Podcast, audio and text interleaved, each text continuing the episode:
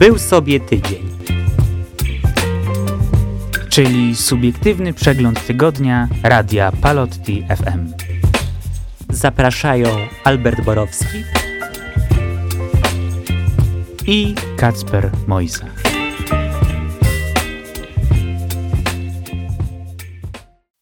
Szesnasty września, godzina 20, czyli kolejna audycja Był sobie tydzień. Witają Państwa Albert Borowski i Kacper Mojsa. Zacznijmy więc od naszego przeglądu wydarzeń yy, i później oczywiście nasza standardowa dyskusja. I jeszcze trochę muzyki. No oczywiście, jak zawsze. Jak zawsze.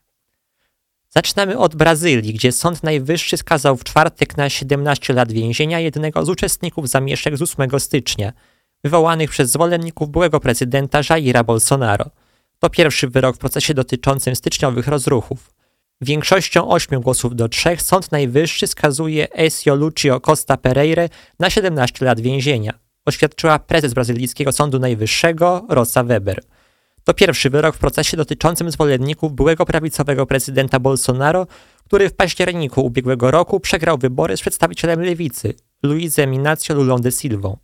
9 stycznia bieżącego roku, tydzień po inauguracji nowego szefa państwa, Splądrowali oni Pałac Prezydencki, siedzibę parlamentu i Sądu Najwyższego. 51-letni Pereira jest byłym pracownikiem państwowej firmy uzdatniającej wodę w São Paulo. Został skazany łącznie za pięć przestępstw, w tym za zniszczenie mienia publicznego, usiłowanie przeprowadzenia zamachu stanu i przynależność do nielegalnych stowarzyszeń. W związku ze styczniowymi zamieszkami brazylijska prokuratura wszczęła postępowania przeciwko 232 osobom. Do 30 wzrosła liczba ofiar śmiertelnych po pożarze w Hanoi.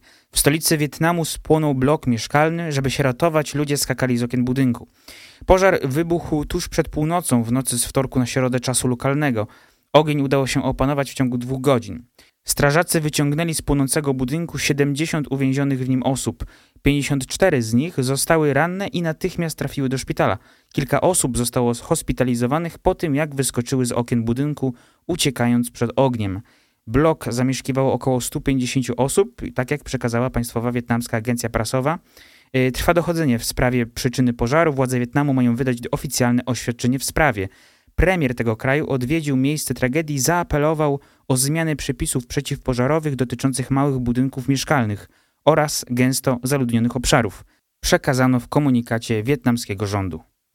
Rada Miasta Lampedusa ogłosiła w środę wieczorem stan wyjątkowy po 48 godzinach ciągłego napływu imigrantów na wyspę. Przed ratuszem zebrali się mieszkańcy, którzy następnie wzięli udział w posiedzeniu Rady Miasta. Szef MSZ Antonio Tajani apeluje o stabilizację Sahelu, podały czwartek media. W tej chwili priorytetem jest przetransferowanie wszystkich imigrantów, którzy przybyli w ciągu ostatnich 36 godzin i którzy wystawili na próbę system pomocy. Transfery zostały już uruchomione, powiedział w Rai News Filippo Manino, burmistrz Lampeduzy. Po przezwyciężeniu tego etapu rząd musi interweniować, wprowadzając rozwiązania strukturalne. To mały obszar, który nie jest w stanie poradzić sobie z taką liczbą osób proszących o pomoc. W ostatnich latach okazaliśmy solidarność i gościnność, ale teraz jesteśmy zmęczeni i wykończeni i nie mamy struktur ani logistyki, aby sobie z tym wszystkim poradzić, dodał Manino. Z kolei minister spraw zagranicznych i wicepremier Antonio Tajani w czwartkowym Corriere della Sera ostrzegł, że kryzys migracyjny może nawet się pogłębić, a Włochom, jak słusznie stwierdzili zarówno przewodnicząca Parlamentu Europejskiego Roberta Metzola, jak i przewodnicząca Komisji Europejskiej Ursula von der Leyen, należy pomóc. Nie możemy zostać pozostawieni samym sobie. Albo weźmiemy byka za rogi, albo się z tego nie wydostaniemy, powiedział Tajani. Nawet sama Europa nie wystarczy, aby uporać się z tak ogromnym problemem, który dotyka nie, ty nie tylko prawie całą Afrykę. Z tego powodu zaangażowaliśmy Organizację Narodów Zjednoczonych, G20, pracowaliśmy nad dużą konferencją międzynarodową, która musi być początkiem prawdziwego procesu stabilizacji Sahelu. Przyjęcie nielegalnych migrantów spoczywa wyłącznie na naszych barkach, dodał Tajani. Dominikana zamyka granicę z Haiti. Ma to być odwet za budowę w sąsiednim kraju kanału irygacyjnego zasilanego ze wspólnej rzeki. W piątek od godziny 6.12 czasu polskiego cała granica Republiki Dominikany, lądowa, morska i powietrzna zostanie zamknięta, przekazał prezydent Dominikany Luis Abinader podczas wizyty w bazie wojskowej i dodał, że blokada będzie trwała tak długo, jak będzie trzeba, aby zakończyć prowokacyjną akcję. Wobec zapowiedzi władz Dominikany Haitańczycy zaczęli opuszczać sąsiedni kraj. Ponad tysiąc osób przekroczyły granicę w Onaminte w pobliżu budowanego kanału, gdy władze chwilowo otworzyły przejście, by osoby deportowane oraz ci, którzy chcą wrócić do swoich rodzin, wrócili do swojej ojczyzny. Lokalna linia lotnicza Sunrise Airways dodała dodatkowy lot między obydwoma krajami w czwartek po południu przed zamknięciem granic. Eksperci ONZ na początku tygodnia przekazali, że kobiety z Haiti szukające opieki okołoporodowej w Dominikanie były aresztowane w czasie patrolów służb i deportowane bez szansy na odwołanie się od decyzji. Już wcześniej Dominikana zaostrzyła środki bezpieczeństwa na granicy z Haiti. Tysiące ludzi ucieka z kraju wobec trwającej wojny gangów i fali przemocy seksualnej. Dominikana zaś odsyła ich z powrotem. Dominikana twierdzi, że budowa kanału irygacyjnego zasilanego z rzeki Masakr narusza traktat z 1929 roku. Prezydent Dominikany ma rozmawiać o tej sprawie podczas swojej wizyty w Stanach Zjednoczonych w przyszłym tygodniu. Wobec zapowiedzi zamknięcia granic rząd Haiti oświadczył, że ma suwerenne prawo do eksploatacji swoich zasobów naturalnych, podobnie jak Dominikana na mocy y, wspomnianego traktatu, a budowa jest potrzebna, aby nawodnić haitańskie równiny. Policja w Argentynie zamknęła wydawnictwo rozpowszechniające nazistowską i antysemicką propagandę. Znaleziono ponad 200 książek związanych z nazizmem, podały w środę miejscowe media, podkreślając, że była to największa tego typu operacja w historii kraju. Jesteśmy zaskoczeni ilością materiałów. To prawdziwa drukarnia wydająca i sprzedająca nazistowską symbolikę, książki i indoktrynację, powiedział komisarz generalny argentyńskiej Policji Federalnej Juan Carlos Hernández. Po trwającym dwa lata śledztwie policjanci przeprowadzili nalot na mieszkanie w dzielnicy San Isidro w północnej części Buenos Aires, gdzie drukowano nazistowskie materiały. Znaleźli około 230 książek związanych z ideologią nazizmu, przekazał dziennikarzom przedstawiciel policji Carlos Normandu. Były tam m.in. egzemplarze książki Mein Kampf Adol Adolfa Hitlera, a także publikacje ze swastykami, godłem III Rzeszy czy symbolami SS. Zatrzymano podejrzanego o prowadzenie wydawnictwa Argentyńczyka w wieku około 40 lat, podała argentyńska agencja prasowa Tylam. Nie pamiętam, widział wcześniej coś podobnego, powiedział mediom wiceprzewodniczący delegacji argentyńskich związków izraelskich Marcos Cohen.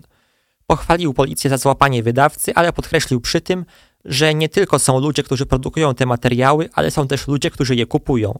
Podejrzany sprzedawał nazistowskie materiały na platformach handlowych i miał tam status złotego sprzedawcy, co oznacza, że wielu ludzi to czyta, zauważył Namandu.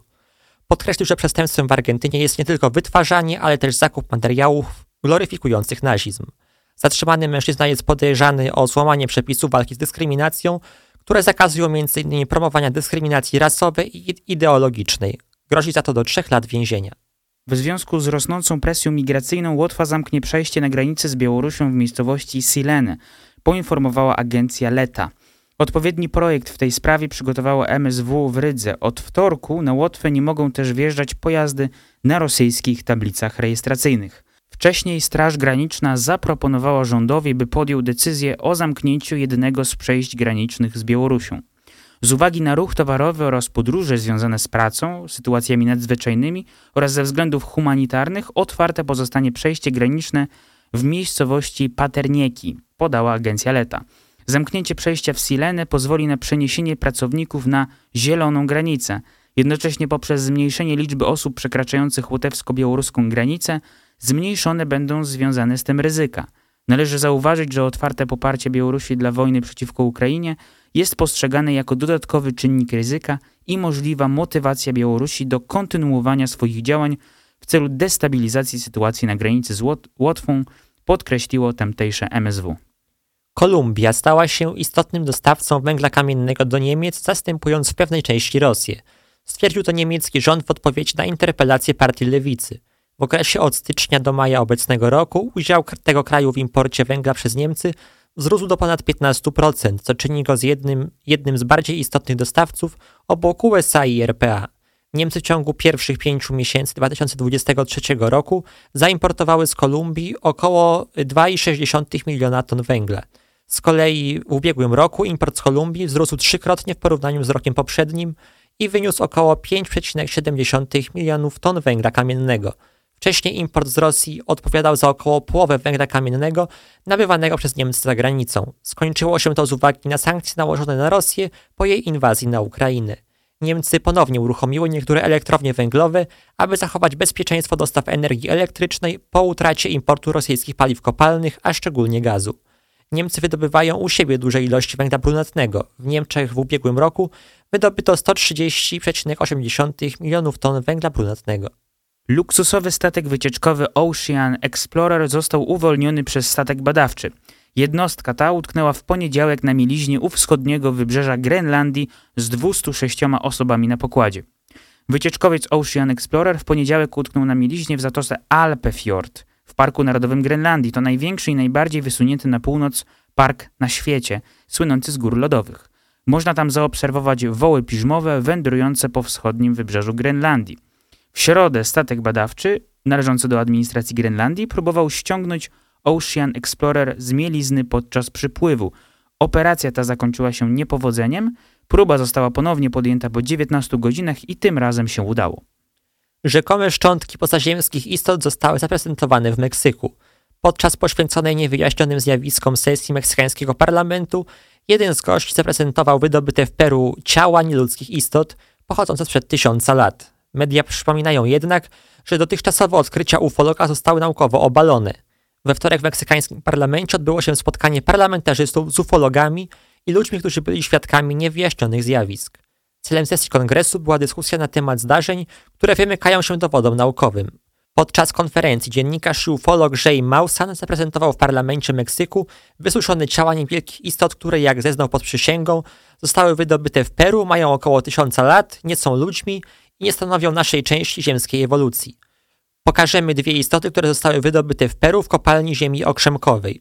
To wysuszone ciała znalezione pomiędzy miastami Palpa i Nazca w 2017 roku, które zostały dogłębnie przebadane zarówno przez dziennikarzy śledczych, jak i naukowców, powiedział Mausan.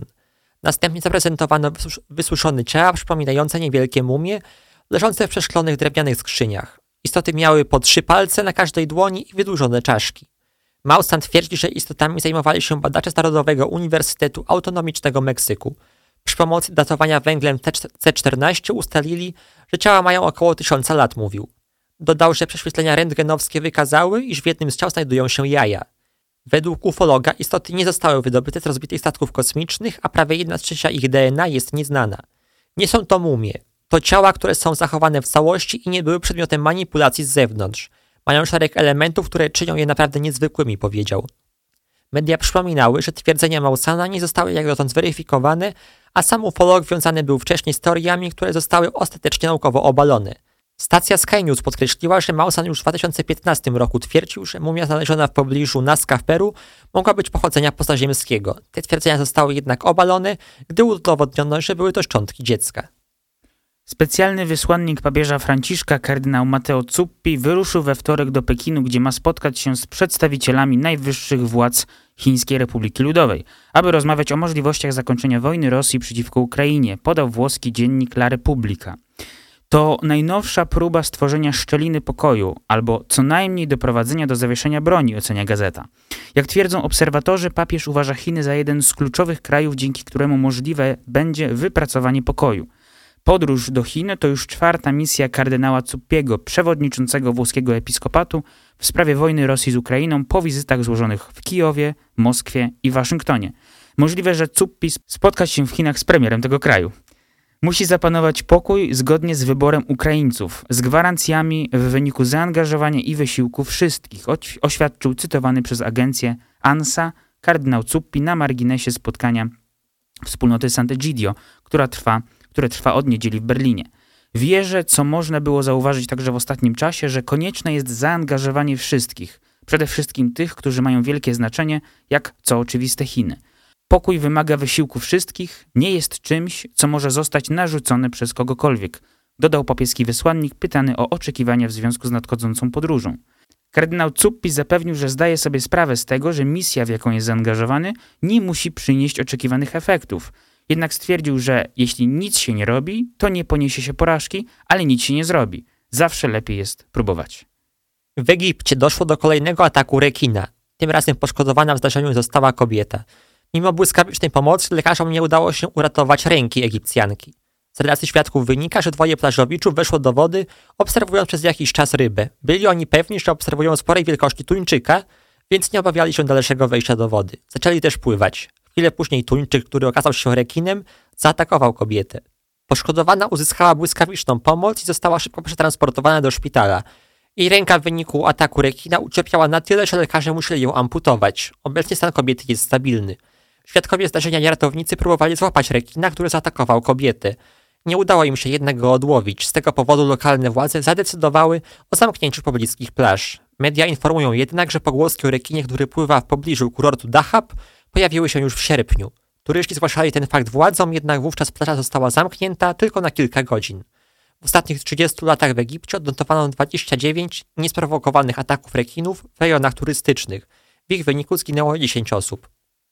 Wenecja chce wprowadzić opłatę dla turystów w wysokości 5 euro. Wjazd do miasta trzeba będzie rezerwować z wyprzedzeniem. Władze uważają, że pomoże to w walce z natłokiem turystów i pozwoli je chronić przed skutkami postępujących zmian klimatu. Opłatę będą musiały uiścić osoby powyżej 14 roku życia. Członek Rady Miejskiej do Spraw Turystyki Simone Venturini przekazał, że pomysł ma zostać wdrożony w przyszłym roku w czasie szczytu turystycznego.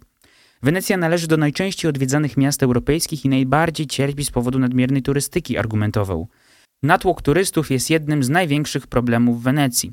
Z danych Włoskiego Krajowego Instytutu Statystycznego miasto tylko w 2019 roku, czyli jeszcze przed pandemią, odwiedziło prawie 13 milionów turystów. Według przewidywań w najbliższych latach ta liczba ma być jeszcze wyższa. Chcemy, aby turyści wybierali terminy na przyjazd tutaj także poza szczytem. Chcemy przetestować opłatę i, jeśli to konieczne, ją ulepszyć. Nie możemy przez kolejne 40 lat dyskutować, co najlepiej zrobić, wskazał Venturini. W tym roku UNESCO zarekomendowało wpisanie Wenecji na listę zagrożonego dziedzictwa. Miasta lub miejsca, które znajdują się w tym zestawieniu, wymagają podjęcia konkretnych i zdecydowanych działań ze strony władz. W przeciwnym razie grozi im zniszczenie wywołane chociażby degradacją środowiska, katastrofami naturalnymi czy toczącymi się wojnami. Tunezyjskie władze odmówiły pozwolenia na wyjazd oficjalnej delegacji Parlamentu Europejskiego. Wyjazd do Tunezji grupy eurodeputowanych z Komisji Spraw Zagranicznych Parlamentu Europejskiego pod przewodnictwem niemieckiego polityka i prawnika Michaela Galera został zablokowany w środę wieczorem. Nie dalej jak w lipcu Komisja Europejska zawarła kontrowersyjną umowę z Tunezją w celu powstrzymania migracji do Europy. Delegacja nie będzie mogła wjechać na terytorium kraju, napisał tunezyjski rząd w liście zaadresowanym do ambasady Unii Europejskiej w Tunisie.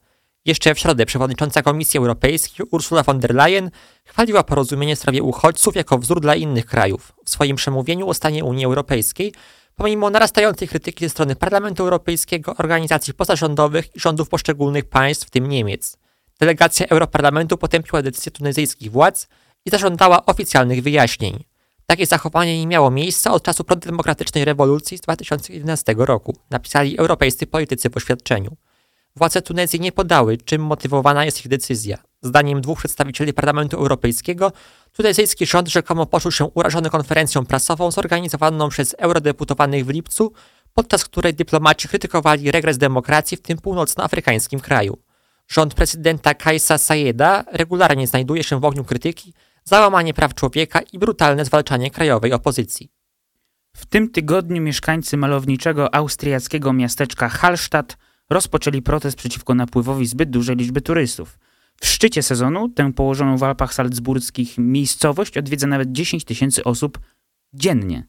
Wpisane na listę dziedzictwa kultury UNESCO Hallstatt wzbudza zachwyt podróżników z całego świata. Urokliwe miasteczko miało zainspirować twórców disneyowskiej animacji Kraina Lodu. Hallstatt zachwyciło też Chińczyków na tyle, że w 2012 roku zbudowali jego kopię na południu swojego kraju w prowincji Guangdong. Ta popularność, mimo że przynosząca dochody, wcale jednak nie cieszy mieszkańców. I nie chodzi o sam fakt skopiowania miasteczka, chociaż ponad dekadę temu wywołał on skandal wśród niepytanych o opinię Austriaków. Hallstatt jest zamieszkiwany przez ponad 700, 700 osób, które na co dzień nie mogą cieszyć się ciszą, spokojem, a nawet prywatnością. Obrazowo opisała to ostatnio w radiu RMF24 Izabela Gartner, licencjonowana przewodniczka po Salzburgu. Domy w miasteczku są ciasno zabudowane, a miejscowi tracą poczucie prywatności. Turyści zaglądają mieszkańcom do ogrodów, na tarasy i do mieszkań. Przywożą ze sobą również hałas i tłok. To miasteczko zamieniło się dla mieszkańców Hallstatt w skansen czy muzeum. Oni przestali żyć tak, jak kiedyś żyli swoimi tradycjami. Nie spotykają się ze znajomymi w, ka w kawiarniach. Jeżeli idą na spacer, to wyjeżdżają poza Hallstatt, bo są ciągle popychani, tłumaczy. Nie powinno więc dziwić, że mieszkańcy mają dość. W maju burmistrz Aleksander Scholz postanowił nawet na chwilę, postawił nawet na chwilę drewniany płot w miejscu, w którym turyści robią zdjęcia na tle malowniczej panoramy. Z pomysłu jednak zrezygnowano, ale zastąpiono go kolejnym. Wprowadzono opłaty za selfie na tle słynnego widoku. Problem z napływem turystów jednak pozostał. Mieszkańcy od kilku dni solidarnie biorą udział w protestach, podczas których blokują tunel dojazdowy do miasteczka. Chcą wprowadzenia regulacji wjazdu autokarów. Obserwatorium Językowe Uniwersytetu Warszawskiego chce stworzyć mapę warszawskich nazw. Do końca września można zgłaszać m.in. ulice, place, parki, skwery, jeziora, budynki, kina czy bazarki, które mieszkańcy określają nieformalnymi nazwami. Obiekty, o których mowa, mogą być miejscami wyodrębnionymi oficjalnie lub nieoficjalnie. Wśród tych ostatnich mogą się znaleźć zarówno te, które żyją w powszechnej świadomości, np. Palma na rondzie de Gola, placy koło wyjścia ze stacji metra Centrum, czy biurowce w rejonie ulic Domaniewskiej, Wołoskiej, Cybernetyki i Marynarskiej, jak i takie, które zostały powołane do życia przez mniejszą grupę warszawianek i warszawiaków, np. mieszkańców osiedla, członków jednej rodziny czy kolegów z pracy. Również te nazwy mogą mieć dwojaki charakter, oficjalny, np. Plac Zbawiciela czy Uniwersytet Warszawski, jak i nieoficjalny, tak jak Zbawik, Spatelnia czy Mordor. W konkursie zwycięzcy zostaną wyłonieni w trzech kategoriach. Najpopularniejsza nazwa, czyli nazwa, na którą oddano najwięcej głosów, najciekawszy opis nazwy, czyli opis, który kapituła uzna najbardziej interesujący, oraz moja nazwa, czyli nazwa, która funkcjonuje w świadomości niewielkiej grupy mieszkańców, np. pracowników danej instytucji czy jednej rodziny. Najpierw brytyjskie szkoły, a teraz brytyjski parlament. W Pałacu Westminsterskim, siedzibie Izby Gmin i Lordów, wykryto materiał, który był przyczyną zamknięcia ponad 100 szkół na początku tego roku szkolnego. Według ekspertów odpowiedzialnych za bezpieczeństwo pracowników i kondycję fizyczną budynku, parlamentarzyści mogą nadal pracować bez obaw, ale wykrycie. Tak pianki betonowej w ścianach i sufitach, czyli materiału o ograniczonym czasie przydatności, może wpłynąć na przyspieszenie decyzji o gruntownym remoncie Pałacu Westminsterskiego. Według szacunków koszt takich prac może przekroczyć nawet 20 miliardów funtów, a ich realizacja potrwa co najmniej 50 lat. Dotychczas głównymi zagrożeniami dla posłów Izby Gmin i Izby Lordów była wadliwa instalacja elektryczna, cięknące dachy i azbest. Teraz dołączył do tej listy kruszący się beton. Z uwagi na wyzwania logistyczne, decyzja o rozpoczęciu prac remontowych była już wielokrotnie odraczana. Jednym z największych wyzwań jest konieczność znalezienia alternatywnego miejsca, gdzie mogłyby się odbywać obrady obu izb parlamentu. Jego łączna powierzchnia użytkowa przekracza rozmiarem 16 boisk piłkarskich, to ponad 1000 pomieszczeń biurowych, 100 schodów i prawie 5 km korytarzy. Neogotycki pałac westminsterski oddany został do użytku w 1860 roku i od tego czasu nie przeprowadzono na jego terenie całościowych prac renowacyjnych. Wspólnota jednego z kościołów w Ugandzie ustanowiła rekord świata w klaskaniu, bijąc brawo ponad 3 godziny. W maratonie Club for Jesus, Klasz dla Jezusa, ponad 900 wiernych ewangelikalnego kościoła Panero Ministries klaskało 3 godziny i 16 minut. Był to najdłuższy aplauz na świecie i został oficjalnie uznany przez Księgę Rekordów Guinnessa, poinformowała niemiecka agencja katolicka KNA. Aby ustanowić rekord, wspólnota klaskania musiała utrzymać przez cały czas jedną głośność ponad 80 dB. Ich klaskanie dla Jezusa miało siłę przeciętnie 88 dB. Nowym rekordem o ponad godzinę wyprzedzono dotychczasowych rekordistów z Anglii. Kierujący kościołem Grace Lubega, który na stronie internetowej swojej wspólnoty występuje jako apostoł, napisał: W czasach, gdy wiele osób zmaga się z różnymi trudnościami życiowymi, chciałem zgromadzić ludzi w miejscu wdzięczności i świętowania. Sweter księżnej Diany sprzedany na licytacji w domu aukcyjnym Sotheby's w Nowym Jorku. Osiągnął sumę ponad miliona dolarów, 14 razy więcej niż wynosiła jego cena szacunkowa. Zdjęcia Diany w czerwonym swetrze trafiły na pierwsze strony gazet w 1981 roku. Księżna pojawiła się w nim na meczu polo swojego wówczas narzeczonego, księcia Karola. Ten okres w jej życiu charakteryzował się szczególnym zainteresowaniem mediów. Fotoreporterzy śledzili każdy jej krok, a pojawienie się w tak osobliwej części garderoby wywołało niemałą sensację. Uwagę obserwatorów przyciągnął wzór na wełnie, rzędy białych owiec z jedną czarną stojącą w środku stada. Niektórzy oczywiście dopatrywali się w, nawet w nim ukrytego komunikatu. To jedno z najbardziej ikonicznych ubrań, w jakich Dianę kiedykolwiek sfotografowano, zapewnia rzeczniczka domu aukcyjnego Sotheby's. To tyle z naszego podsumowania tygodnia. Przedstawiliśmy, mamy nadzieję, ciekawe wydarzenia, o których nie słyszeliście. Albo mało słyszeliście. A teraz już można powiedzieć tradycyjnie kartka z kalendarza. Mamy 16 września, a tego dnia w 1977 roku w Paryżu zmarła Maria Callas, wybitna śpiewaczka operowa, sopran, nazywana primadonną stulecia. Czyli minęło od jej śmierci, jak dobrze liczę, 46 lat. Myślę, że dobrze liczysz. To jest radio Palotti FM.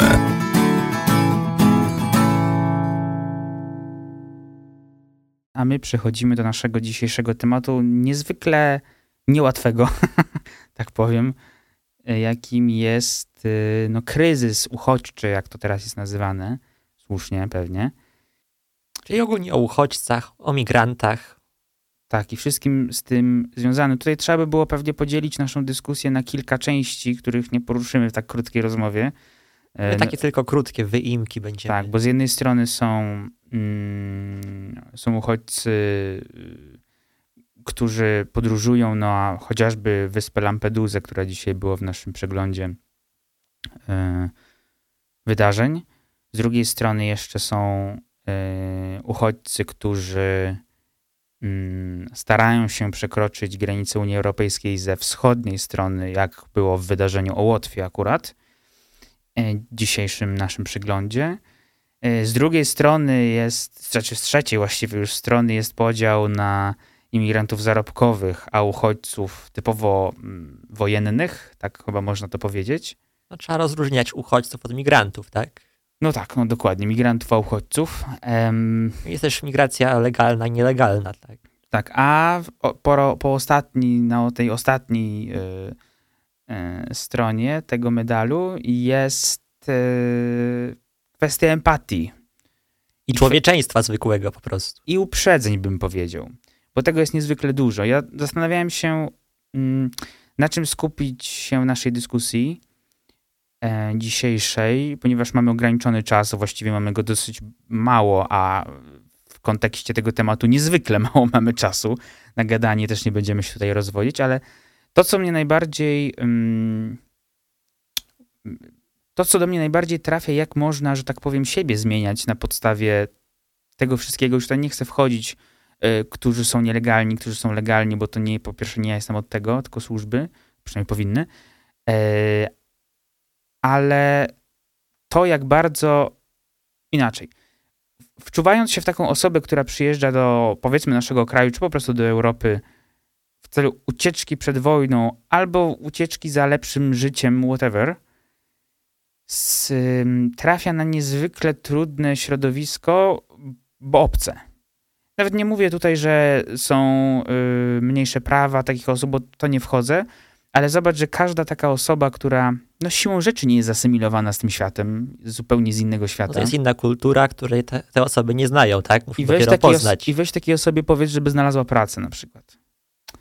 Nawet jakby chciała.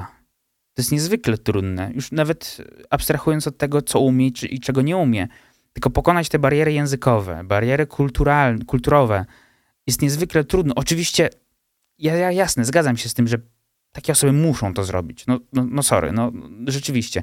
Chcą oczywiście mm, czy szukać azylu u nas przed wojną, czy rzeczywiście jako imigranci zarobkowi przyjechać do ym, Europy, trochę wyidealizowanej z, chyba z tej perspektywy. Ale to zawsze Polacy też emigrowali na przykład do Stanów Zjednoczonych, które też mają trochę wyidealizowany obraz. American Dream, żeby spełnić swój amerykański sen. No dokładnie tak, no. E, Zresztą nie tylko do, Stanów Zjednoczonych. E, Więc tutaj ja chciałbym zaakcentować ten czynnik, jak to powiedzieć, e, empatyczny właśnie, jak to powiedziałeś wcześniej. Czynnik empatyczny, żeby nie utrudniać jeszcze bardziej tym osobom asymilacji, którą Oczywiście, jak zawsze są osoby, które nie chcą tego robić, są osoby, które chcą. Pamiętajmy, że zawsze są dwie strony każdego medalu i tego medalu są zdecydowanie dwie strony. A druga, inna sprawa to oczywiście jest y, kwestia służb, y, kwestia e, działań państw czy organizacji międzynarodowych. E, No ale tutaj chyba nie będziemy w to wchodzić, bo tutaj jest temat trochę dzielący również nasze społeczeństwo, nie pierwsze zresztą. Też może się zatrzymajmy nad tym, co Kościół mówi o uchodźcach, imigrantach. Chciałem taki powiedzieć cytat z ostatniego orędzia papieża Franciszka na Światowy Dzień Migranta i Uchodźcy, który pisze, gdziekolwiek zdecydujemy się budować naszą, naszą przyszłość w kraju, w którym się urodziliśmy, czy gdzie indziej, ważne, by zawsze znalazła się tam wspólnota gotowa przyjąć, chronić, promować i integrować wszystkich bez różnicowania i bez pomijania kogokolwiek. W ogóle papież Franciszek jest znany z takiego yy, z empatii do yy, uchodźców czy imigrantów nawet, no. Tak, to jest ważne, że papież podkreśla, że właśnie w miejscu, do którego uchodźcy czy migranci przybywają, żeby znaleźli dobre przyjęcie, tak, żeby wspólnota ich przyjęła, no i też właśnie, żeby nie różnicować. Czasami mówi się, my przyjmiemy uchodźców, ale tylko chrześcijan, tak, bo oni są bliżsi nam kulturowo. Tak. To nie ma za wiele wspólnego z chrześcijaństwem. Też tą chrześcijańską postawę w kontekście polskim przypominają polscy biskupi. W lipcu ukazał się komunikat y, Rady Konferencji Episkopatu do spraw migracji, turystyki i pielgrzymek, w którym na przykład biskupi stwierdzają, stanowczo przestrzegamy przed ich, czyli uchodźcami, migrantami, instrumentalnym wykorzystywaniem do rozgrywek politycznych oraz kształtowaniem postaw ksenofobicznych. Ci biskupi zauważają, że też często uchodźcy to jest temat polityczny. Znaczy, ja bym oddzielił. Y, Rada tej y, komisji, tak? Komisja? Tak. Rada tej komisji to zauważa. Nie mów, że biskupi, bo ja bym to No- oddzielił mimo wszystko, No, niestety. No dobrze. E, zauważa. I jakby to nie jest pierwszy dokument. Ostatnio nawet było, e, już nie, nie, nie wymieniając konkretnie, były dokumenty, które brzmią bardzo dobrze. Mówię tutaj oczywiście o konferencji Mhm. Episkopatu Polski, tych wszystkich e, organach, które się znajdują przy niej, tych wszystkich komisjach. E, tak samo tutaj. e, W teorii to brzmi dobrze.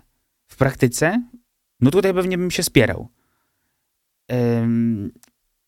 Instrumentalizacja pewnych grup osób, czy instrumentalizacja nawet pewnych, no może nie wartości, ale pewnych idei, czy tego, co się za nimi wiąże, to jest zarzut, który raczej jest skierowany przeciwko Kościołowi.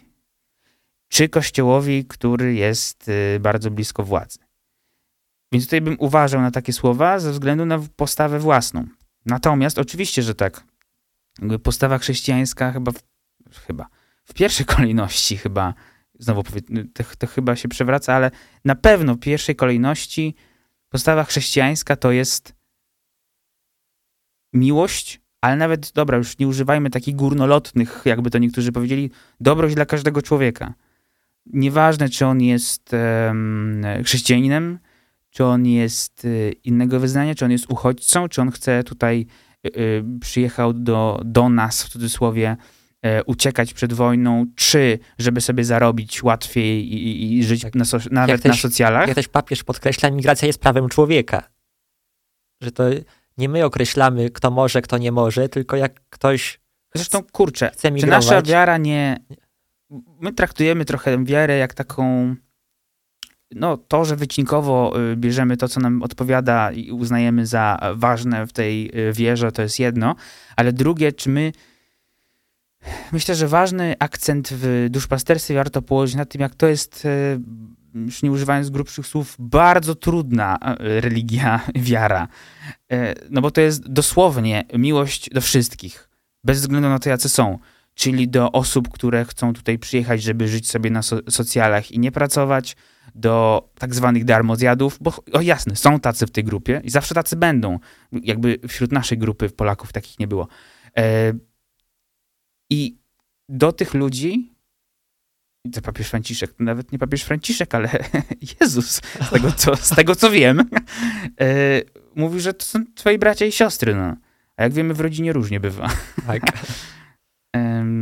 Więc to jest na pewno no, Też Też trzeba niesamowicie trudne. Patrzysz na to, że sprawa migracji uchodźców właśnie ma ten wymiar polityczny, no bo też ma, i jest ten wymiar moralny. Tak, bo tutaj nikt nie mówi o tym, że wielka miłość, e, wszyscy e, otwórzmy granice dla wszystkich, w ogóle w całym świecie otwórzmy granice, no to tak się nie to da. To, trochę utopijne nie. myślenie, Oczywiście, że chociaż tak. myślenie chrześcijańskie, tak?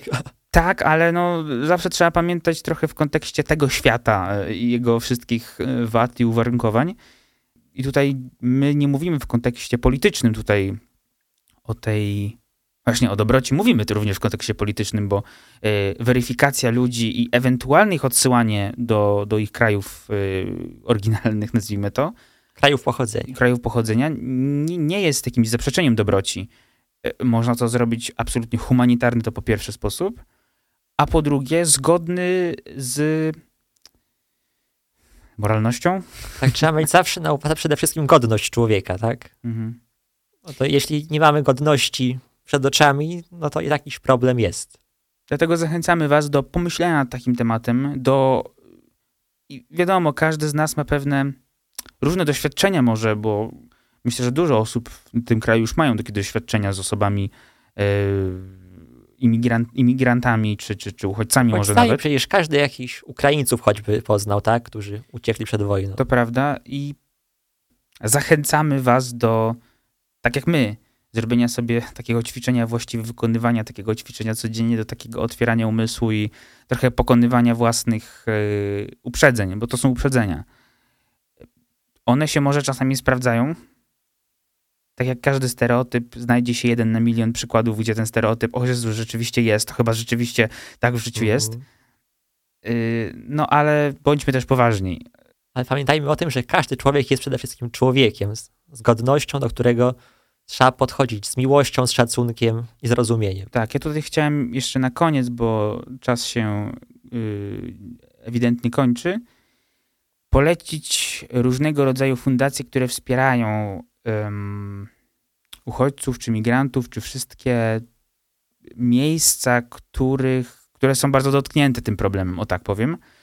E, ale tutaj zrezygnuję z tego, y, dlatego że znowu, różne mamy opinie na temat różnego rodzaju organizacji, różne osoby za nimi stoją i nie chcę tutaj y, narzucać czy, czy, czy, czy jakby nakłaniać do konkretnych organizacji. Proponuję jednak poszukać takich, które do was przemówią, które sprawdzicie przede wszystkim, czy rzeczywiście wykonują tę pracę, y, czy są znane i, i, i czy do, dokumentowane jest ich działanie, ale bardzo was zachęcam do podzielenia się swoimi funduszami, bo nic tak e, w tym świecie nie działa i nic tak nie robi roboty czasami jak, no, życie, pieniądze, po prostu pieniądze.